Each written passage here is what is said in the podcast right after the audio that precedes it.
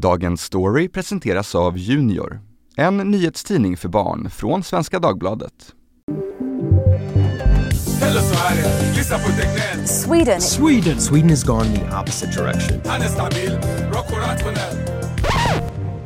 Trots att dödstalen sköt i höjden så stod regeringen fast vid Sveriges coronastrategi. Christian Schickler, jag jobbar för tysk TV. Is this a gamble? Vi lyssnar ju som sagt var på myndigheterna. Vi, vi måste lyssna på expertisen.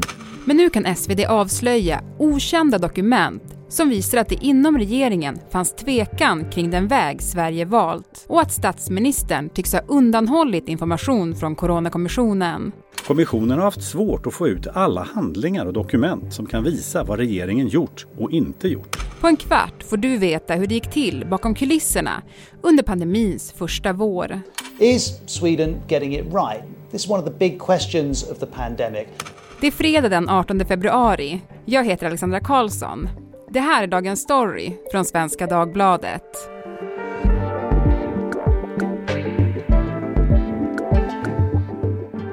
Per Kudo och Erik Nilsson, ni är reportrar här på Svenska Dagbladet och ni har skrivit om tidigare okända dokument kring Sveriges coronastrategi. Nästa vecka kommer ju domen över Sveriges strategi från Coronakommissionen. Hur nervösa är regeringen egentligen? De är nog eh, väldigt nervösa. Ja, jo, det borde de nog vara. Ja, men ni har ju kunnat visa att regeringen inte verkar vilja ge Coronakommissionen allt material som finns. Det stämmer. Vi har ju kunnat avslöja att statsminister Magdalena Andersson faktiskt verkar undanhålla information från Coronakommissionen som de vill ha. Vi ska prata mer om det om en liten stund, men först behöver vi backa bandet till mars 2020 när coronapandemin tog fart. För då fick ju framförallt Anders Tegnell en väldigt särskild roll.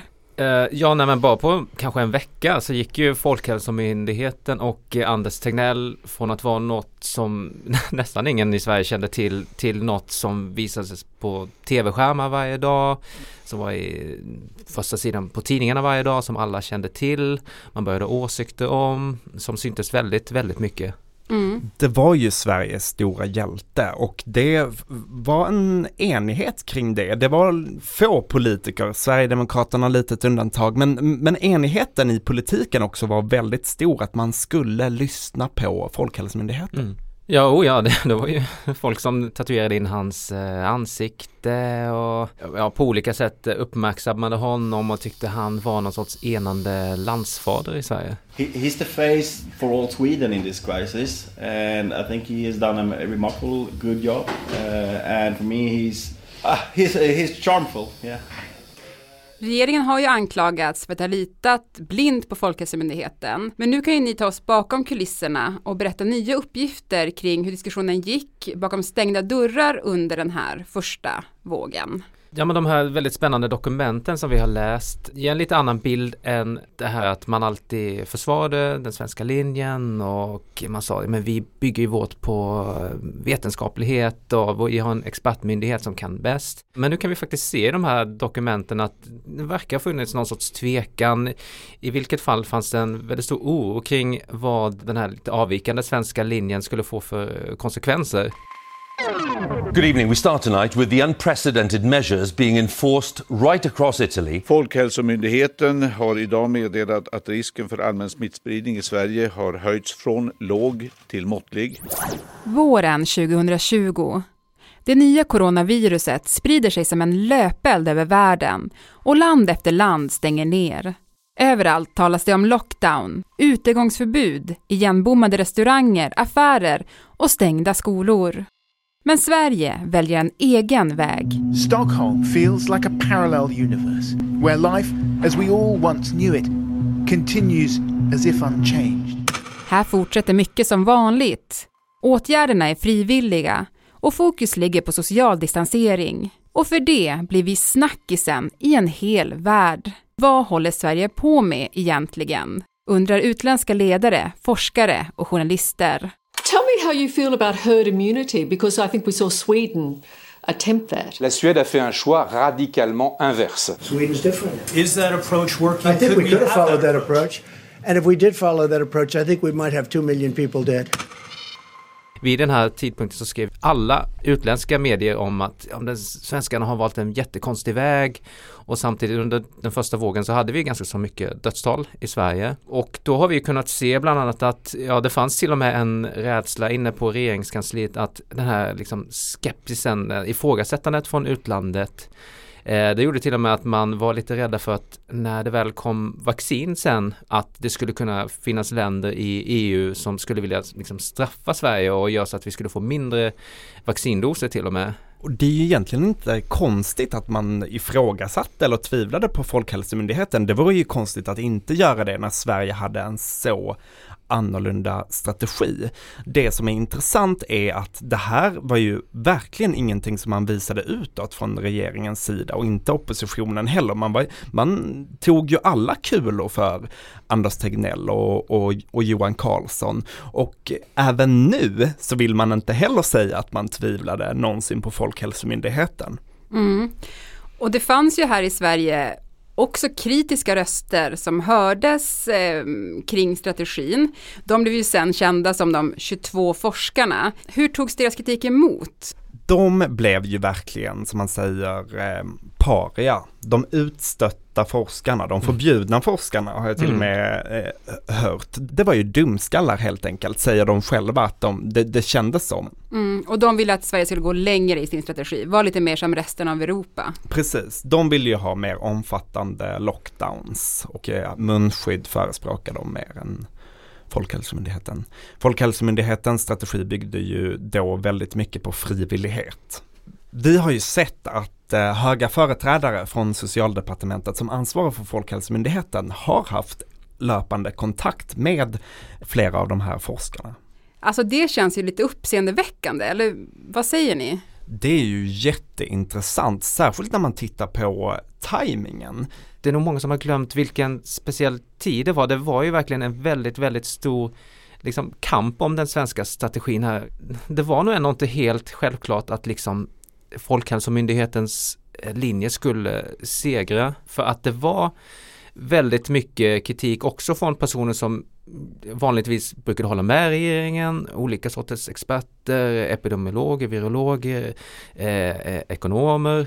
Just i det här kritiska momentet så hade man de här eh, diskussionerna då med vissa av kritikerna. Tyvärr vet vi inte exakt vad som sades eller vad man gjorde med det men, men nu vet vi i alla fall att, att, att man hade de här kontakterna. Och regeringen säger ju att det här är inget konstigt. De eh, säger till oss när vi frågar att eh, det här är ingenting som vi har försökt att dölja och det är helt naturligt att vi pratar med experter precis som vi pratar med fackförbund och patientorganisationer. Maja Fjärstad som är Lena Hallengrens statssekreterare, hon säger att hon tog en fika med de här forskarna. Hon försöker verkligen spela ner betydelsen av de här kontakterna som regeringen säger aldrig har varit underlag till något beslut. Mm, och som du var inne på Per, det finns ju inte heller någon dokumentation kring mötena. Nej, vi har ju mm. försökt begära ut anteckningar och protokoll men det får vi till svar att det inte finns. Ja, men som jag sa där i början så kommer ju Coronakommissionens slutrapport snart. Och nu kan ni ju också berätta att statsminister Magdalena Andersson verkar ha undanhållit viss information från dem. Precis. Det var inte bara socialdepartementet som hade kontakt med externa forskare utanför Folkhälsomyndigheten. Det hade också finansdepartementet som eh, vid tidpunkten leddes av eh, Magdalena Andersson. Vi har kunnat visa att man på Finansdepartementet gjorde egna modeller över smittspridningen i mars 2020. Nå något som man kanske normalt inte gör på Finansdepartementet. Coronakommissionen har frågat eh, Magdalena Andersson om de här modellerna. De vill ha ut dem, de vill se dem. Vad kom man fram till? Ehm, men till Coronakommissionen har Magdalena Andersson sagt att eh, de inte finns. Finns de då? Ja, de finns. Eh, vi har inte själva fått se dem. Eh, men vi har ju sett mejlkonversation där man eh, berättat, ja vi har tagit fram de här och vi har pratat med experter som man har bollat med. Mm. Jag, jag, tänker att det är aldrig fel att kalkylera med risker och, och, och, och göra uträkningar och bedömningar. Men varför vill man inte dela med sig av det här materialet? Mm. och om det inte är så fel, då vore det verkligen inte vara konstigt att dela med sig av det här till kommissionen. Vi ska dra lärdomar av den här coronavåren. Vi ska göra vårt land ännu mer robust. Och som ett första steg så behöver Sveriges hantering av viruset och effekterna också utvärderas. I ett och ett halvt år har Coronakommissionen utrett hur regeringen och berörda myndigheter har hanterat pandemin. Men kommissionen har stött på hinder. Regeringskansliet har inte lämnat ut allt material som kommissionen har begärt. Bland annat har man velat få ut anteckningar och protokoll från krisgruppen GSS, som består av statssekreterare som träffas kontinuerligt under pandemin för att diskutera aktuella frågor. Efter att regeringen hävdat att det inte fanns mer material än kommissionen redan fått kunde SVDs ledarsida avslöja att det inte stämde. Kommissionen har också velat ta del av interna mejl, men nekats få ut dem av regeringskansliet. Moderaterna har efter avslöjandena KU-anmält regeringen och Magdalena Andersson. Det är mycket allvarligt därför att det handlar ju om en mörkläggning av den största katastrofen sedan andra världskriget. Det är ju svårt att tolka det på ett annat sätt än att regeringen faktiskt inte i alla fall gör det lätt för kommissionen att få material. När kommissionen har bett om eh, anteckningar, protokoll och dokument från en särskild krisgrupp inom regeringen och får till svar att det finns inga anteckningar, det finns inga protokoll, det finns ingenting.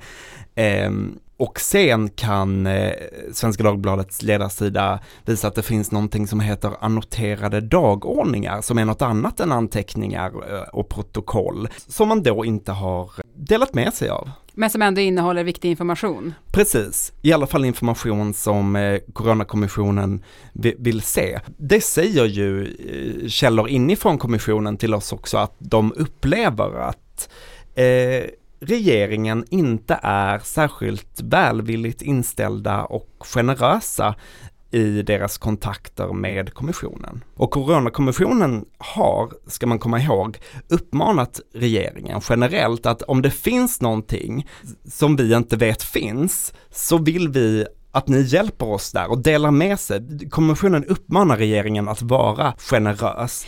Men då undrar man ju så här, kan man lita på att kommissionen fått ut tillräckligt med material för att kunna göra en rimlig analys?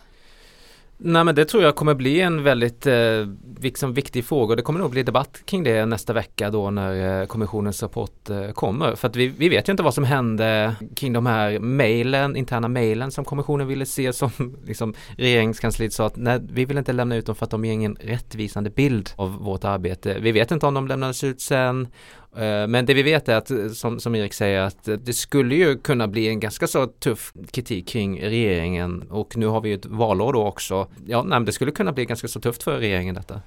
Och om en vecka är ju då Coronakommissionens slutrapport här. Per, du har ju nästan blivit lite coronareporter här på redaktionen och bevakat pandemin sedan början. Vad kommer du kolla särskilt på i den här rapporten?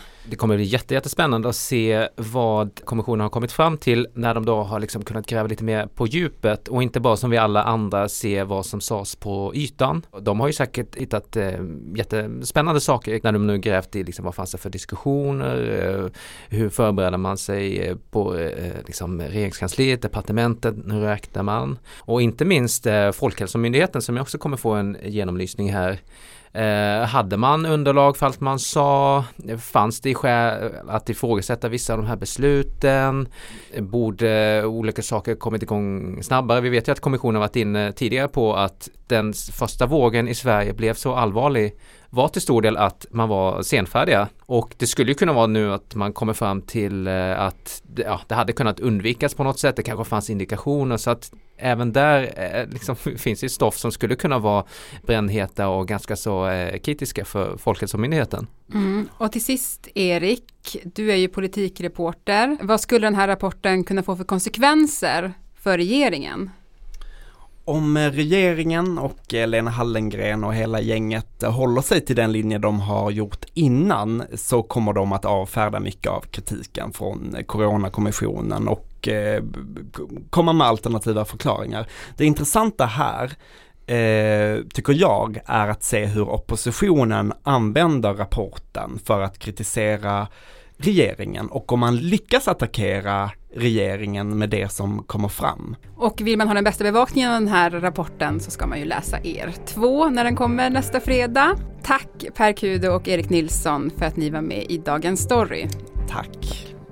Junior är Sveriges enda nyhetstidning för barn. Vi skriver riktiga nyheter om Sverige och världen på ett sätt så att barnen förstår. Varför vi gör det? Vi vet att det är viktigt att läsa och att hänga med och förstå sin samtid. Och det går bra att du som betalare smygläser den förstås. Du som lyssnar på Dagens Story kan ge bort en prenumeration på sju nummer till ett nyfiket barn för endast 99 kronor. Det är 64% rabatt mot ordinarie lösnummerpris. Du tecknar den på svdjunior.se podd. Programmet idag producerades av Kajsa Linderoth. Redaktör var Teresa Stenler von Matern. Och jag heter Alexandra Karlsson. Vill du kontakta oss så mejla till dagensstory.svd.se. Klippen i dagens program kom från Dagens Nyheter, Aftonbladet, SVT, P4, AFP, BBC, TV4 och Dr. Albans låt Hello Sverige. FM, glada svenska. Sati och profil.